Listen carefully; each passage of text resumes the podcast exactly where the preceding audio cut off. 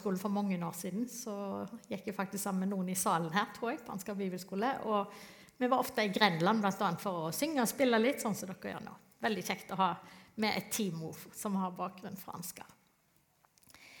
Eh, vi skal eh, Ja, jeg har satt et tema på talen som er at Guds menighet er jordens største under. Når jeg kom her i dag, så var det første jeg la merke til når jeg kom inn i kirka, at eh, her var det ryddig og fint. Eh, det sto kaffe klart, noen hadde tent lys. Jeg så Tove som gikk rundt med en sånn, eh, missions, nei, sånn søndagsskolegenser.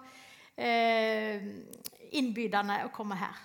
Og jeg tenker at eh, Når vi samles her til gudstjeneste, så er det mange som har vært i aksjon i lang tid for at vi skal sitte her og samles nå. Og eh, Guds menighet eh, er ikke, som jeg skal si litt mer om, er ikke først og fremst et bygg, selv om det også er et fint bygg, men det er først og fremst levende mennesker. Og eh, jo mer du kjenner mennesker, jo mer vi lever sammen, jo mer ser vi både våre gode og litt mer krevende sider. Og Derfor er det ikke alltid så lett å tenke at eh, Guds menighet er jordens største under. Men jeg håper at når du har hørt min tale i dag, at du kan være enig med meg i at Guds menighet er jordens største under. Og Vi skal lese fra Bibelen sammen, og jeg tror det er egentlig litt bra at de som orker, vi reiser oss, og så leser jeg teksten. Og Den er fra 1. Peters brev, kapittel 2 og 1-10. Legg derfor av all ondskap, svik og hykleri, misunnelse og baktalelse og lengt som nyfødte barn etter den rene melken som ordet er, så dere kan vokse ved den til frelse. For dere har smakt at Herren er god. Kom til ham, den levende steinen, som ble vraket av mennesker, men er utvalgt og dyrebar for Gud. Og bli selv levende steiner som bygges opp til et åndelig hus. Bli et hellig presteskap og bær fram åndelige offer som Gud tar imot med glede ved Jesus Kristus. For det heter i Skriften.: Se, på Sion legger jeg en hjørnestein, utvalgt og dyrebar. Den som tror på ham, skal ikke bli til skamme. Altså blir den til ære for dere som tror. Men for den som ikke tror, er steinen som bygningsmennene vraket, blitt hjørnestein, en snublestein og en klippe til fall. Fordi de ikke er lydige mot ordet, snubler de. Det var de også bestemt til. Men dere er en utvalgt slekt, et kongelig presteskap, et hellig folk. Et folk som Gud har vunnet, for at dere skal forkynne Hans storverk, Han som kalte dere fra mørket og inn til sitt underfulle lys. Dere som ikke var et folk, er nå Guds folk. Dere som før ikke fant barmhjertighet, har nå funnet barmhjertighet. Kjære Jesus, jeg takker deg for ditt ord. Takk for det gir oss liv, og takk for det leder oss i livet. Nå ber vi om at du skal åpne ordet ditt for oss, sånn at vi kan vite og forstå litt mer av hvem du er. Amen. Vær så god, sitt.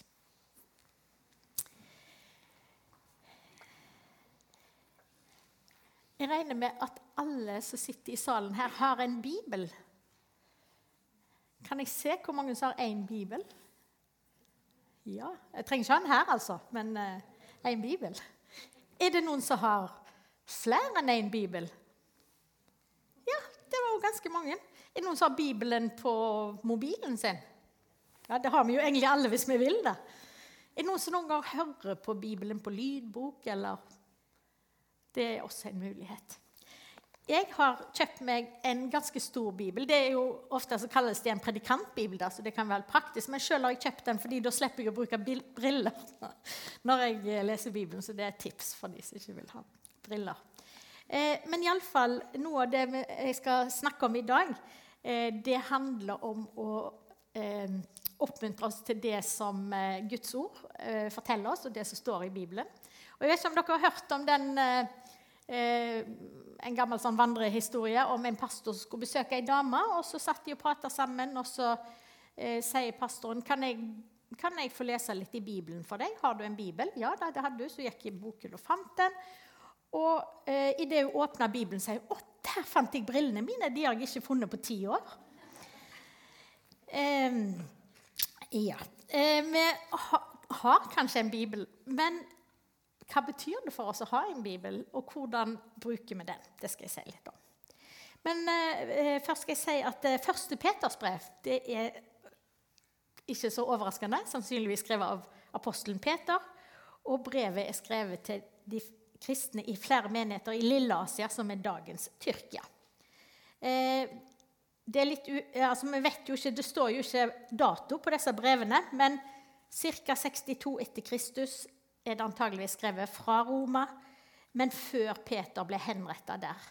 Jeg vet ikke om dere kjenner til eh, Peters skjebne. Både Peter og Paulus ble jo drept i Roma, eh, mens keiser Nero var keiser i Romerriket. Så på Ansgarskolen, når vi har sånne lærer å tale og forkynne, da sier vi at det skal alltid være tre punkter. Og det føler jo jeg da som rektor at jeg bør være tro mot, så jeg har tre punkter i talen min i dag. Så da skal vi se litt på den første. Unnskyld. Og det første punktet er, som vi leste i teksten, at ord, altså Bibelen, er den beste næring. Og Da sto det 'lengt som nyfødte barn' etter den rene melken som ordet er, så dere kan vokse ved den til frelse. Jeg har vært så heldig i at jeg akkurat er blitt bestemor eller liksom for noen måneder siden for første gang. Og jeg tror at noen er her, her som er besteforeldre og vet at det er verdens beste ting. Det er liksom enda bedre enn å bli foreldre, fordi at eh, ikke trenger man å streve noe for det, eller noen ting, og man kan bare nyte godene av det. Og så er man jo like glad i det barnet som om det var ens eget, og det er det jo på en måte òg. Men en ting som en ser når en har et nyfødt barn, det er at alle nyfødte barn de trenger bare én ting. Det er det som er så fantastisk. De trenger bare morsmelk. Eller de trenger noe annet, men de trenger bare én ting å spise. Og, mitt poeng, ja. og det første som skjer etter en fødsel, Eh, det er at barnet legges opp på mora sin mage, og så skal det lete seg fram til puppen, sånn at det kan begynne å drikke melk. For det er det beste ungen kan ha. Og det har jo vært litt sånn eh, snakk om i, i en del land i den tredje verden hvor man har liksom begynt å selge morsmelktillegg, og dermed på en måte det som er en gratis morsmelk for de som klarer å amme det. Man trenger ikke å kjøpe eh, noe for å gi det barnet et lite eh, for, for, å gi det barnet den rette næring. Eh, morsmelka inneholder alle gode næringsstoffer som babyen trenger de første måneder av livet sitt. Og derfor, så Når Peter sammenligner ordet med morsmelka, så viser han at ordet, som for oss er Bibelen, eh, inneholder den gode næringen vi trenger for at vi skal vokse ved den til frelse. Eh, på Ansgarskolen, de som går på bibelskolen, eh, de, eh, kanskje noen her òg, da får en det privilegium å lese gjennom Bibelen på ett år. Og hvis du har lyst til å lese gjennom Bibelen på ett år, så må du lese tre kapitler hver dag. Og hvis du leser tre kapitler hver dag, så er du gjennom på et år.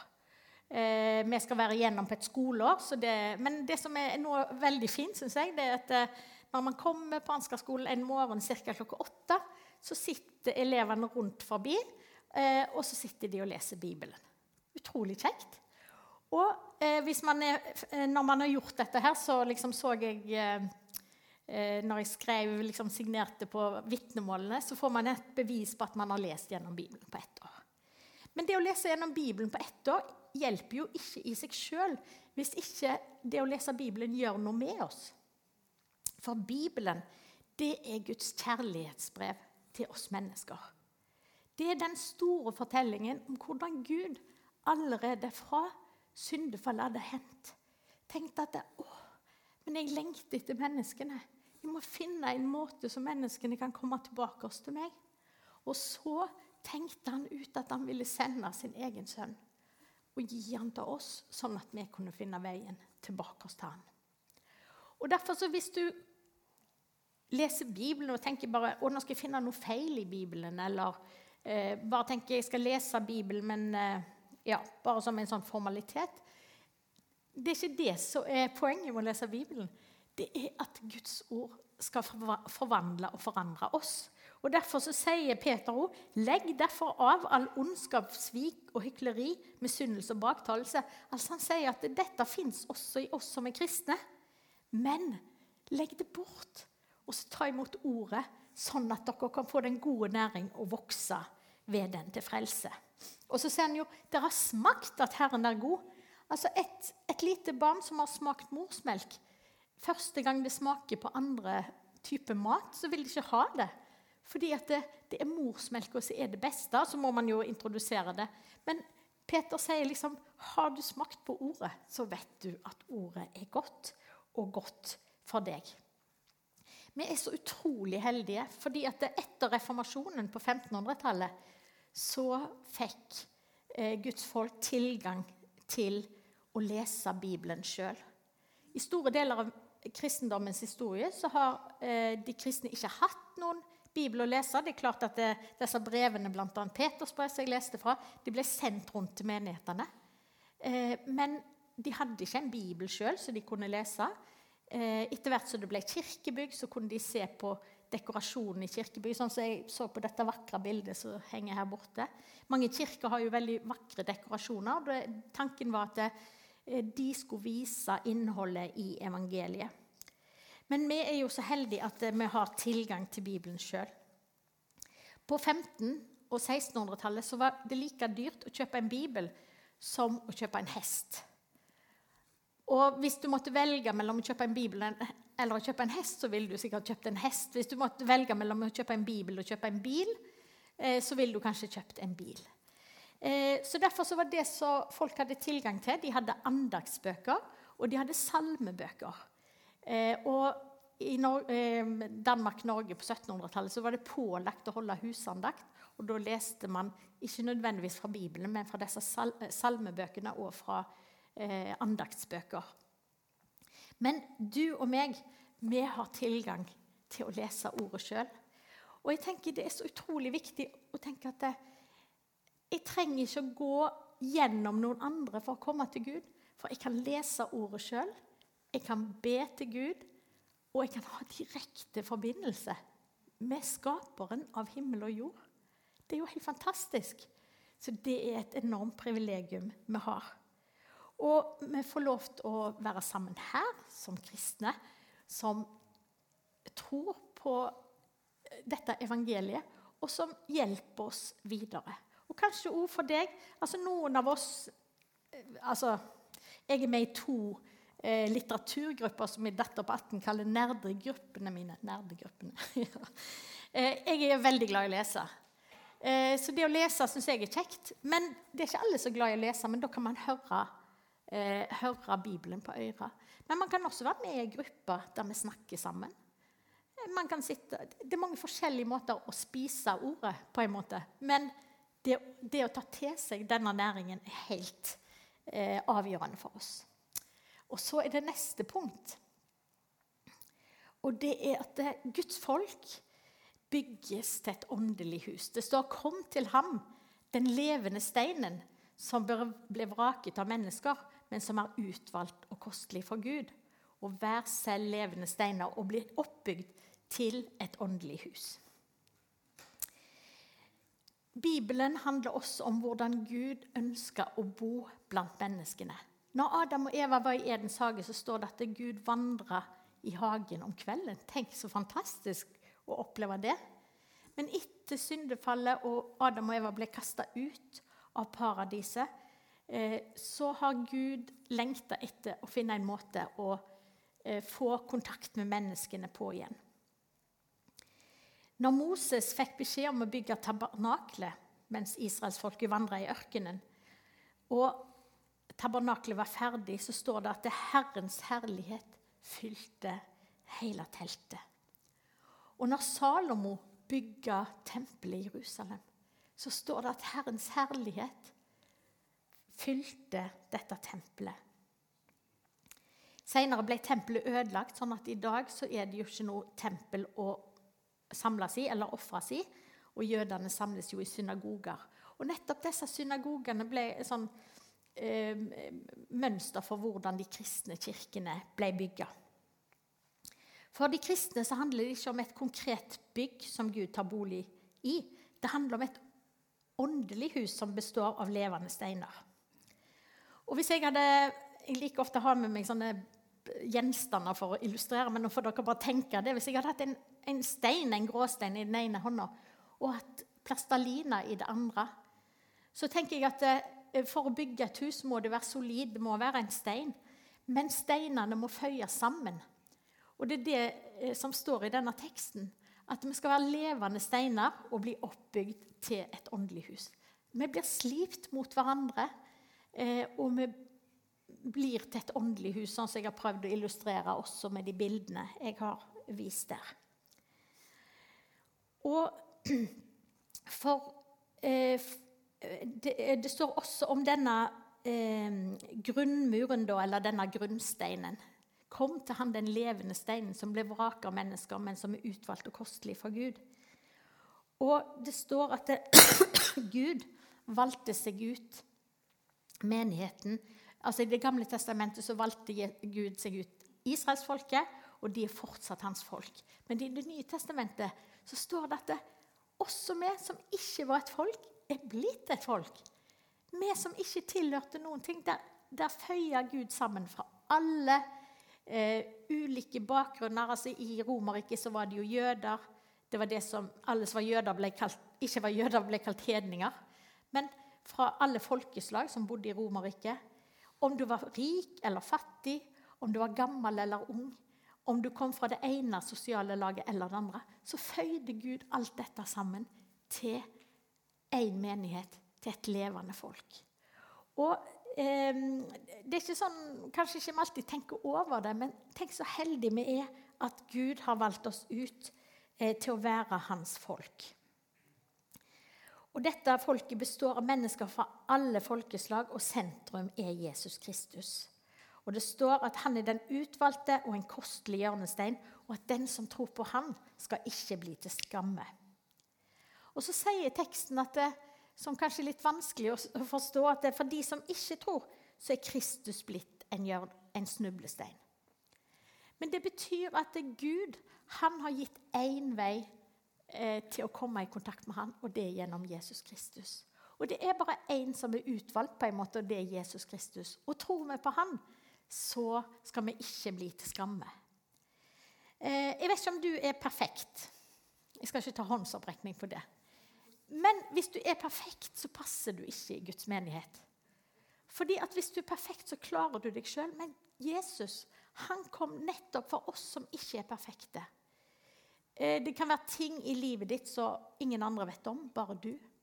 Eh, det kan være ting som folk ser, som en, de tenker her har du en mangel. Eh, det kan være ting vi gjør som folk ser. Men uansett om folk ser det eller ikke, så får vi lov til å komme til Jesus nettopp fordi han kom til de som ikke klarte seg sjøl. Så dette Guds folk, det er bare Kristus og fullkommen. Vi er ufullkomne. Og når vi kommer til han, så får vi lov til å komme til han med alle våre mangler, med våre synder, med det vi tenkte at det, dette har jeg jo prøvd på fem-ti ganger, og allikevel så feiler jeg på det. Da får du lov til å komme en gang til. Og Det som gjorde at den første kristne menighet vokste, det var at det folk som ellers ble sett ned på i samfunnet, de fikk møte Jesus, og de slutta seg til menigheten. Det kunne være slaver. I Romerriket var en stor del av befolkningen slaver.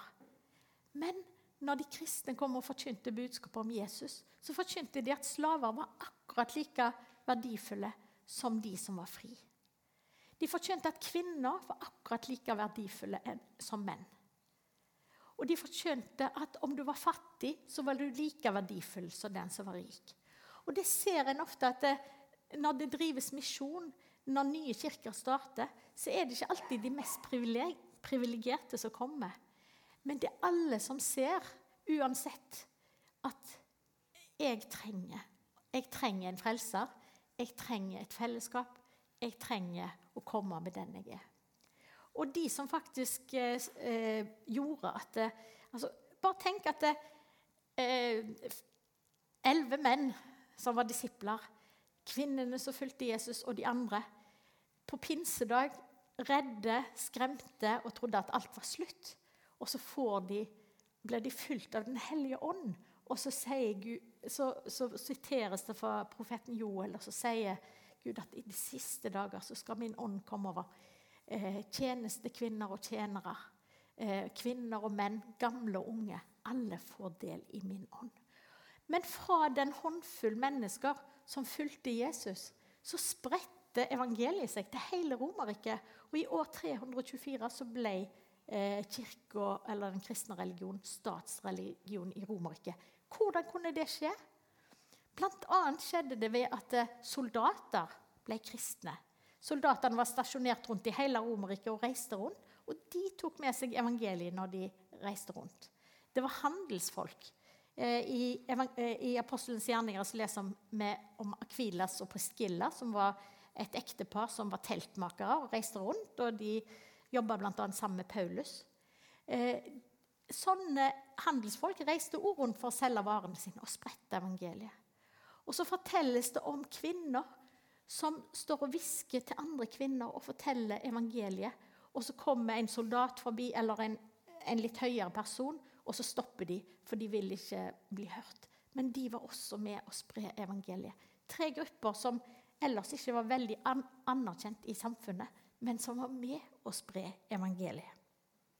Har du tenkt på noen ganger at det, den første som fikk møte Jesus etter oppstandelsen, var Maria?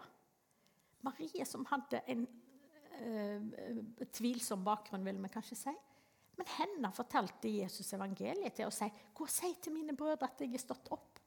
I den romerske samtida var jo ikke kvinner rent som vitner engang.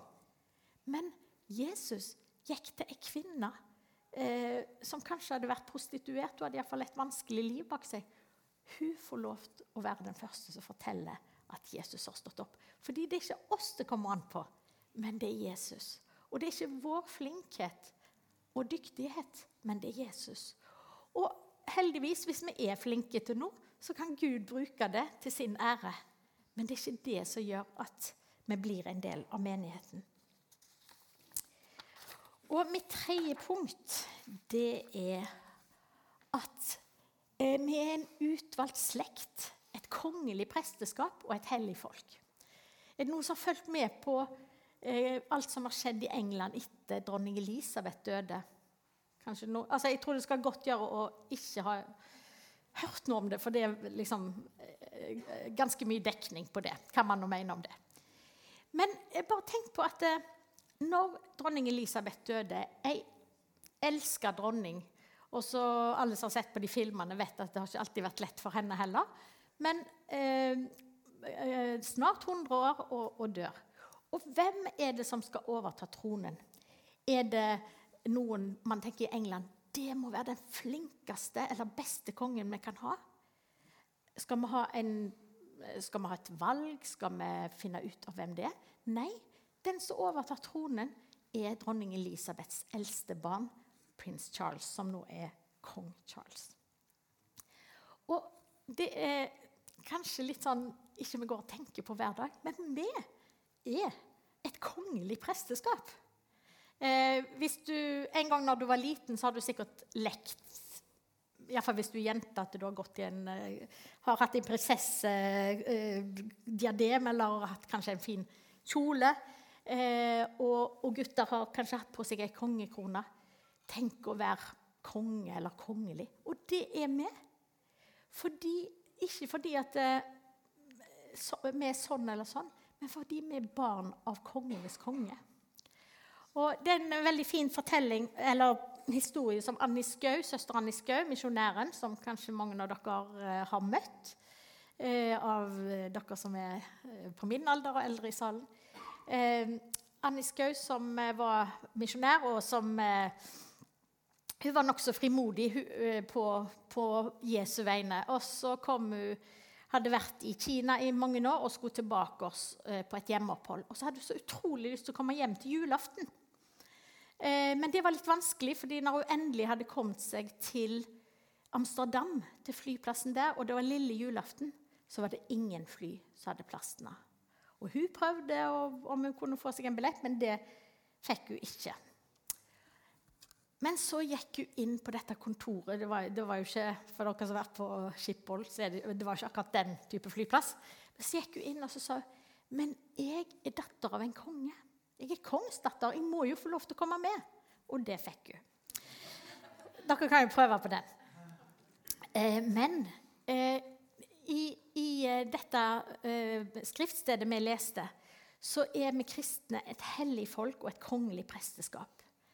I Det gamle testamentet så var det prestene som bar fram offer på menighetens og menneskenes vegne. Og Hvis du leser i Det gamle testamentet, så er de fulle av beskrivelser av hvordan disse ofrene skulle bæres fram. Eh, og I Det nye testamentet så står det at Kristus er vår ypperste prest, og at vi kristne er prester for Gud. Og Det betyr at vi har direkte tilgang til Gud, og at vi sjøl kan be om tilgivelse for våre synder.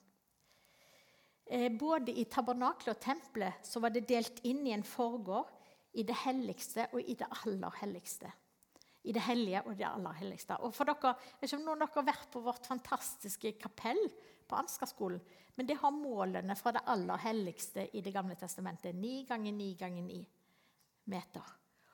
Og inn i det rommet eh, kan alle få lov til å komme, men inn i det aller helligste var det bare prestene som fikk komme. og Ypperstepresten gikk inn der én gang i året for å bære fram et stort offer. Eh, men når Jesus døde, så står det jo at det forhenget som skilte det hellige og det aller helligste i tempelet, det revna. Og veien til Gud var åpen.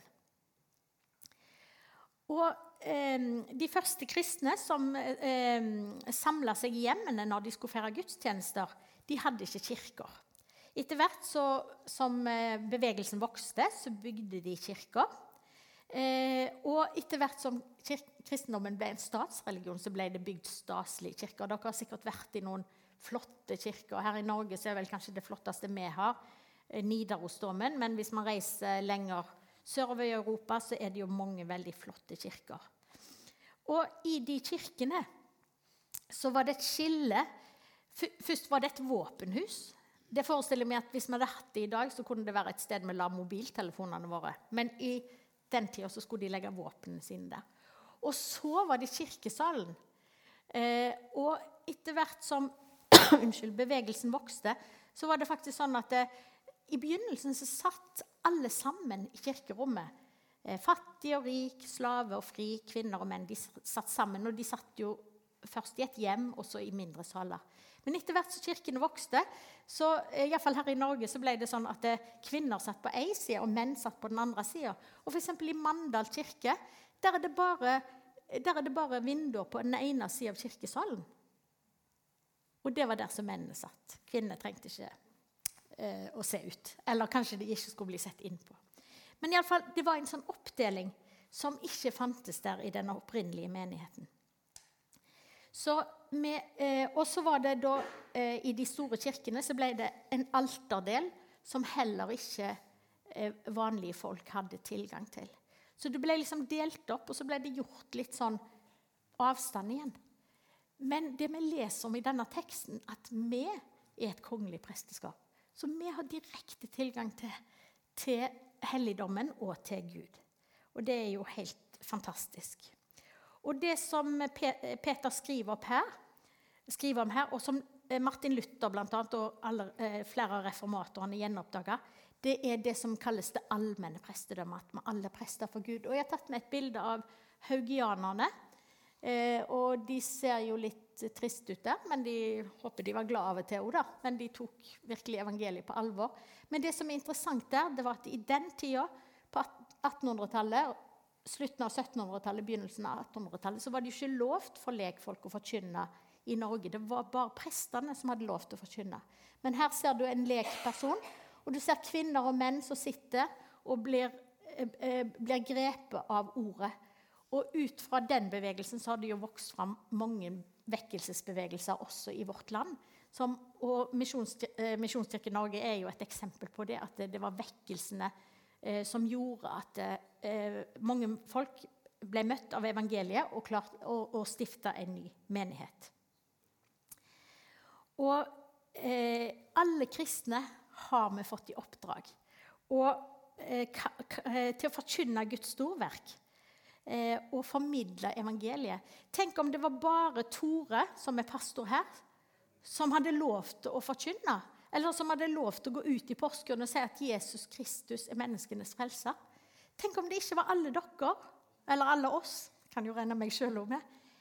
Det er jo alle kristne, og sånn var det jo i den første kristne tid. Hvis det var bare, bare de tolv apostlene. Men det var jo ikke det. Det var alle som sjøl hadde møtt Jesus, hadde fått det oppdraget å gi evangeliet videre. Gi Jesus videre. Og det er jo det som er Guds menighet, som er jordens største under. Det at vi alle vi står i direkte eh, sammenheng med Jesus Kristus. Vi er levende steiner som bygges opp sammen eh, til et levende tempel. Og Det står til og med der hvor to eller tre er samla i Guds navn, der er han midt iblant oss. Kristendommen er ikke en tro, tro for de fullkomne eller for de privilegerte, men det er en tro for alle oss som har satt sin lit til Kristus for dette livet og neste. Og vi har fått en gave og en oppgave å forkynne Guds storverk om at Gud ønsker å gi sin nåde og miskunn til alle mennesker.